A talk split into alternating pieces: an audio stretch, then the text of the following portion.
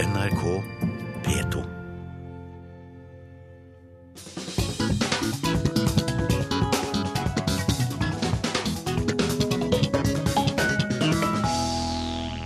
Og siden det bare er eh, tre ganger igjen i Fredagspanelets historie her som del av ettermiddagssendingen i Kulturnytt, så topper vi laget de tre siste gangene. Og med oss i dag har vi Nina Christensen, eh, redaktør i forskning.no. Velkommen. Skuespiller og alt det andre som eh, Anders T. Andersen driver med, inkludert for tiden å være død i serien Mammon. Velkommen til deg også. Jo, takk. Og Inger Merete Hovelstad, journalist og kritiker i Dagbladet. Velkommen. Tusen takk.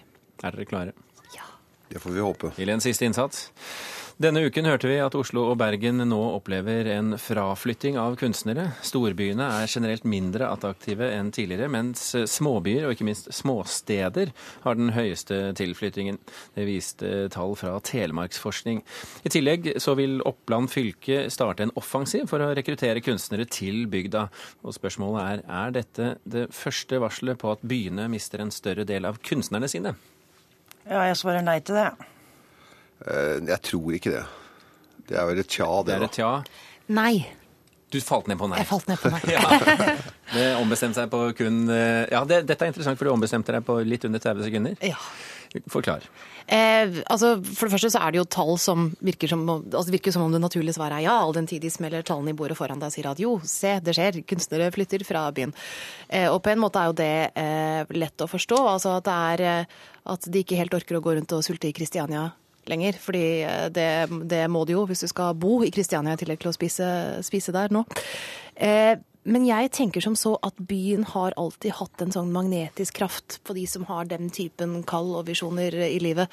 Eh, Og mange av dem som har, eh, har en følelse av utenforhet med seg fra det lille stedet de kanskje kommer fra. Jeg tror ikke de vil tilbake dit. Jeg tror de vil til der mangfoldet og særingen er, og det har alltid vært byen. Men samtidig, Andersen, så er det slik at eh, kunstnere er fattige, og de flytter dit de har råd til å bo.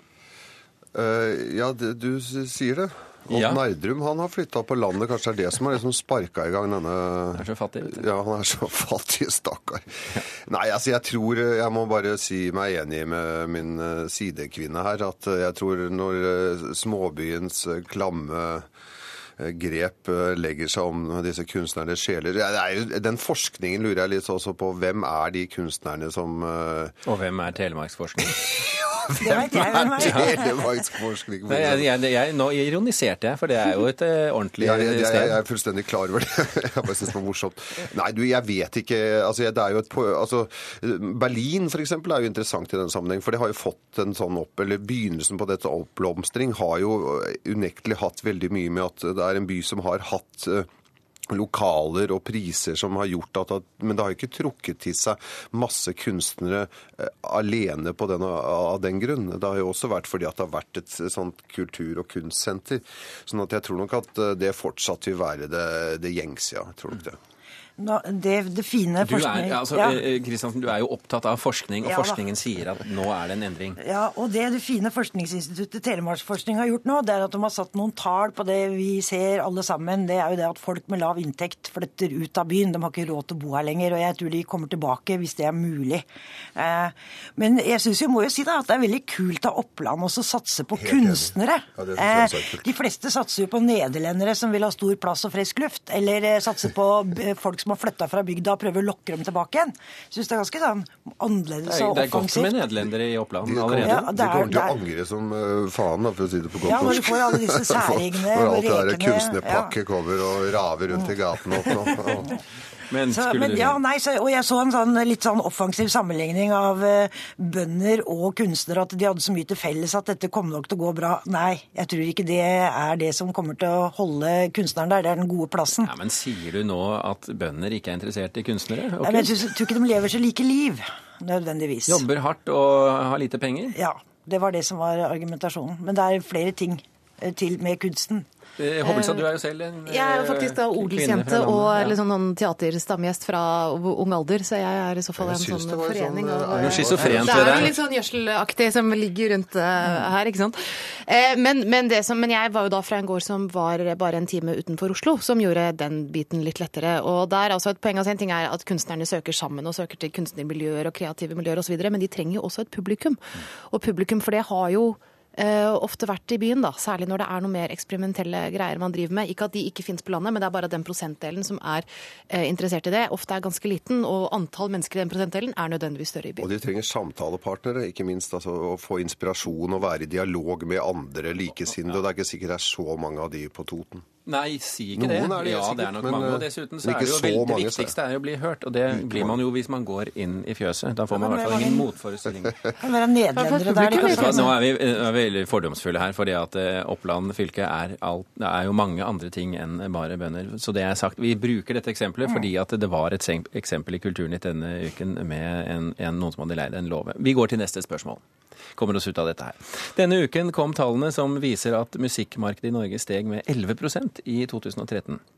Dette omfatter både salg av CD-er, nedlastinger og strømmetjenester, og det er strømmetjenestene som sørger for nær sagt hele oppgangen. Men strømmetjenestene de domineres av internasjonale artister, og bare anslagsvis mellom 10 og 20% er norsk musikk. Og da er eh, CD-en dominerte, da var det 50 Spørsmålet er er løpet kjørt? Har norske artister mistet markedsandelen sin for alltid? Nei. Eh, kanskje. Nei. Du er veldig tvilende i dag, eh, Andersen. Ja, jeg har bestemt meg for at jeg ikke være så kategorisk som jeg ellers alltid er i eh, dette. Ja, du var kategorisk før i dag da du Ja. sa ja. Men kanskje ok, det er godt nok for meg. Ja. Kjør på. Eh, Nei, du, jeg vet ikke hva svaret er på det heller, men det er klart at eh, jeg synes det er en Altså, det blir jo unektelig interessant å følge tiden fremover på veldig mange fronter når eh, medier som denne f.eks. på en måte mister mye av sin eh, altomslukende nedslagsfelt. Eh, altså, det? Altså, hvis man leser aviser og så videre, så, så blir man jo presentert for mye materiale som ikke nødvendigvis pumpes de, gjennom de konvensjonelle, konvensjonelle kan, Nei, hva heter det? Kom, konversielle eh, Var det riktig? Kom, Jeg tror du har blandet ordet konvensjonelt og kommersielt. Ja, det stemmer det? Altså, ja, dysleksi, er det et er interessant, ordblind som eh, er gammel ku. Ja, Men det pleier ikke å være mulig. Da. Eh, Jo, det er, det er Se her, Telemark Nei, nei, ikke- forsknings nei, nei, nei, underavdeling i ikke- Groruddalen. ikke spore av nå. Nei, ja, så, så um, er det jo fare for at uh, dette Altså, tilfanget er helt enormt, og at i det så mister vi et mangfold i at det er uh, Tilbudet er så enormt at det blir mye vanskeligere for mindre stemme med mindre backing å nå igjennom. Det kan godt være, og det kanskje er dette en tendens eller et tegn på. Jeg vet ikke. Hva sier forskningen? Jeg tenker at dette her er et eksempel som vi ser i mange bransjer, er at teknologien går foran. Og så kommer bransjen etter haltende og skrikende og er opptatt av rettigheter om å forhandle masse avtaler og sånne ting, og, og klarer ikke å følge etter forbrukerne som eh, følger teknologien. Sånn at eh, her må eh, bransjen bare rett og slett oppjustere seg i forhold til de teknologiske mulighetene som ligger der, og som forbrukerne har omfavna for lenge siden. Og så kommer dette til å gå bra. Norsk musikk selger. Og, og særlig... gå på Facebook, er det Ja, eller nei, du kan gå på bensinstasjon, Her er det CD-ene fortsatt med den gamle, gode norske musikken. Så ja. Eh, Altså, Jeg tror jo ikke løpet er kjørt på noe vis. og det er jo det som gjør at det, Dette har ikke med musikken å gjøre, det har jo med distribusjonen av musikken å gjøre. ikke sant? Og det er, Der er det en sånn skranglete overgangsfase der musikkbransjen har vært, eh, som det blir sagt her, for sen i vendingen. Eh, og betaler litt for det nå. Eh, men sånn på sikt så er utfordringen for norske artister den samme som for internasjonale artister. Det er jo at det blir vanskeligere og vanskeligere å få folk til å betale for egentlig noe som helst. Da, konsum for film, for musikk, for journalistikk. Fordi man venner seg til å få det gratis. Og sånn som nå, så tjener de jo altfor lite eh, på streamingen. Og som person som sitter og lytter på musikk, så er jeg jo eh, veldig glad for den. Men jeg er jo fryktelig glad det også ikke er jeg som sitter eh, ved pianoet og prøver å klimpre frem en hit og vet at den kommer jeg til å tjene sånn sju øre per avspilling på. Det syns jeg Men det er det er kanskje bare en, en forandring av mange. Det også, men som jeg- men jeg- papiravisen. og den så- ja, unnskyld. Men jeg snakket med noen jazzmusikere som før hadde en rute rundt omkring bare på spillesteder i Norge, hvor de ikke lenger blir booket. De får ikke spillejobben engang. Så det er ikke bare det at ikke de liksom tjener penger på Men det artister tjener penger på, er jo spillejobber. Men der er de også falt igjennom, da. At de, Fordi, fordi de ikke er på CD. ja, jo, det er de absolutt, men det er vel ikke konvers nok da, til at eh, det satses på, eller så er jazzen en døende sjanger rundt omkring i landet. Jeg vet ikke, men, det, men de snakker om en helt klar og tydelig endring da, på, på antall spillejobber og publikum. Så hvem vet? Så da er det bare staten igjen, kanskje. Du, Ja. Vi har et spørsmål til. Skal vi, ta vi tar det siste spørsmålet, så vi rekker gjennom det før eh, tiden kommer og tar oss. I går falt dommen som konkluderer med at Lars Lillo Stenberg og Andrine Sæther tapte ankesaken de hadde lagt an mot staten i Menneskerettighetsdomstolen i Strasbourg. Den snart ni år lange kampen om hvorvidt Se og Hør gjorde rett i å publisere bildene fra ekteparets bryllup eller ikke, den kan nå være over. Spørsmålet mitt er kommer det til å bli vanskeligere å verne om sitt privatliv nå? Ja. Nei. Nei. Hvorfor ikke? Jeg syns det er litt sånn ekkelt nei å si da, fordi på en måte så har man jo lyst til at ingen skal få lov til å sitte på en holme med telelinse og ta bilde av folk som gifter seg. Ikke sant? Det er jo det intuitive svaret. At vi, vi liker jo ikke Se og Hør som gjør dette her.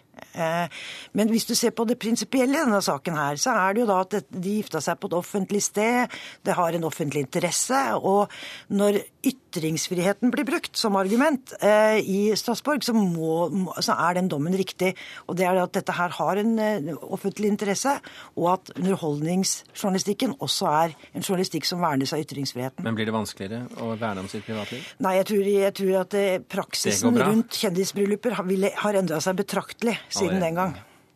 Eh, Ja, jeg er redd for at, altså, jeg syns at ytringsfriheten i denne sammenheng er helt søkt. Altså, det er en sånn dogmatisk eh, måte å forholde seg til ytringsfrihet å bruke. Når, når redaktøren av Se og Hør står og liksom heiser flagget til topps i går og snakker om at dette er et, et slag vunnet for ytringsfriheten, så eh, Unnskyld meg, altså, men det er vel ikke ytringsfriheten Se og Hør er mest opptatt av, er det det? Uh, Det er så de sier. Vi må ja, tro dem på det. påstår det, men du ser på hva de skriver om. Men dette her er jo definert som et helt klart grensetilfelle, og da syns jeg i det grensetilfellet at tvilen burde komme, komme den uh, fotograferte til gode, uten tvil, altså. Altså Svaret om det blir vanskeligere, eh, tror jeg er nei. Og det er rett og slett fordi at i Norge så har vi jo et, et, eh, en instans som kicker inn ofte mye før eh, det juridiske gjør det, nemlig PFU, som vurderer det etiske, og som gir eh, pressen klaps på lanken hvis Men de denne saken kom aldri opp for Eh, PFU. nei, det burde den jo kanskje gjort, eh, kan du jo si. Men eh, når det er sagt, altså jeg, jeg er nok uenig med Andersen her. Altså, for jeg tenker at altså, jeg syns jo dette er dårlig smak, og jeg kan bare forestille meg hvor ubekvemt det må være å bli invadert eh, i en privat hendelse på denne måten. Men det er som sagt, som det ble sagt før her, at det må argumenteres prinsipielt. Og det kan ikke, som også Hilde Haugsher sa på radio, du kan ikke helt bare argumentere ut fra hvor invaderende det føles, for da blir det helt uforutsigbart. ikke sant? Altså, da kan man ikke, man må ha renere eh, grenser enn det. Men det er noe Og- som heter folks rettsfølelse, som skal tas hensyn til. Ja, men altså, jeg tenker at men det er også, Hvis du tenker fra på et prinsipielt- perspektiv, da, så er det veldig i pressens interesse å verne om det. At en person skal ikke rent få definere selv når du selv er interessant.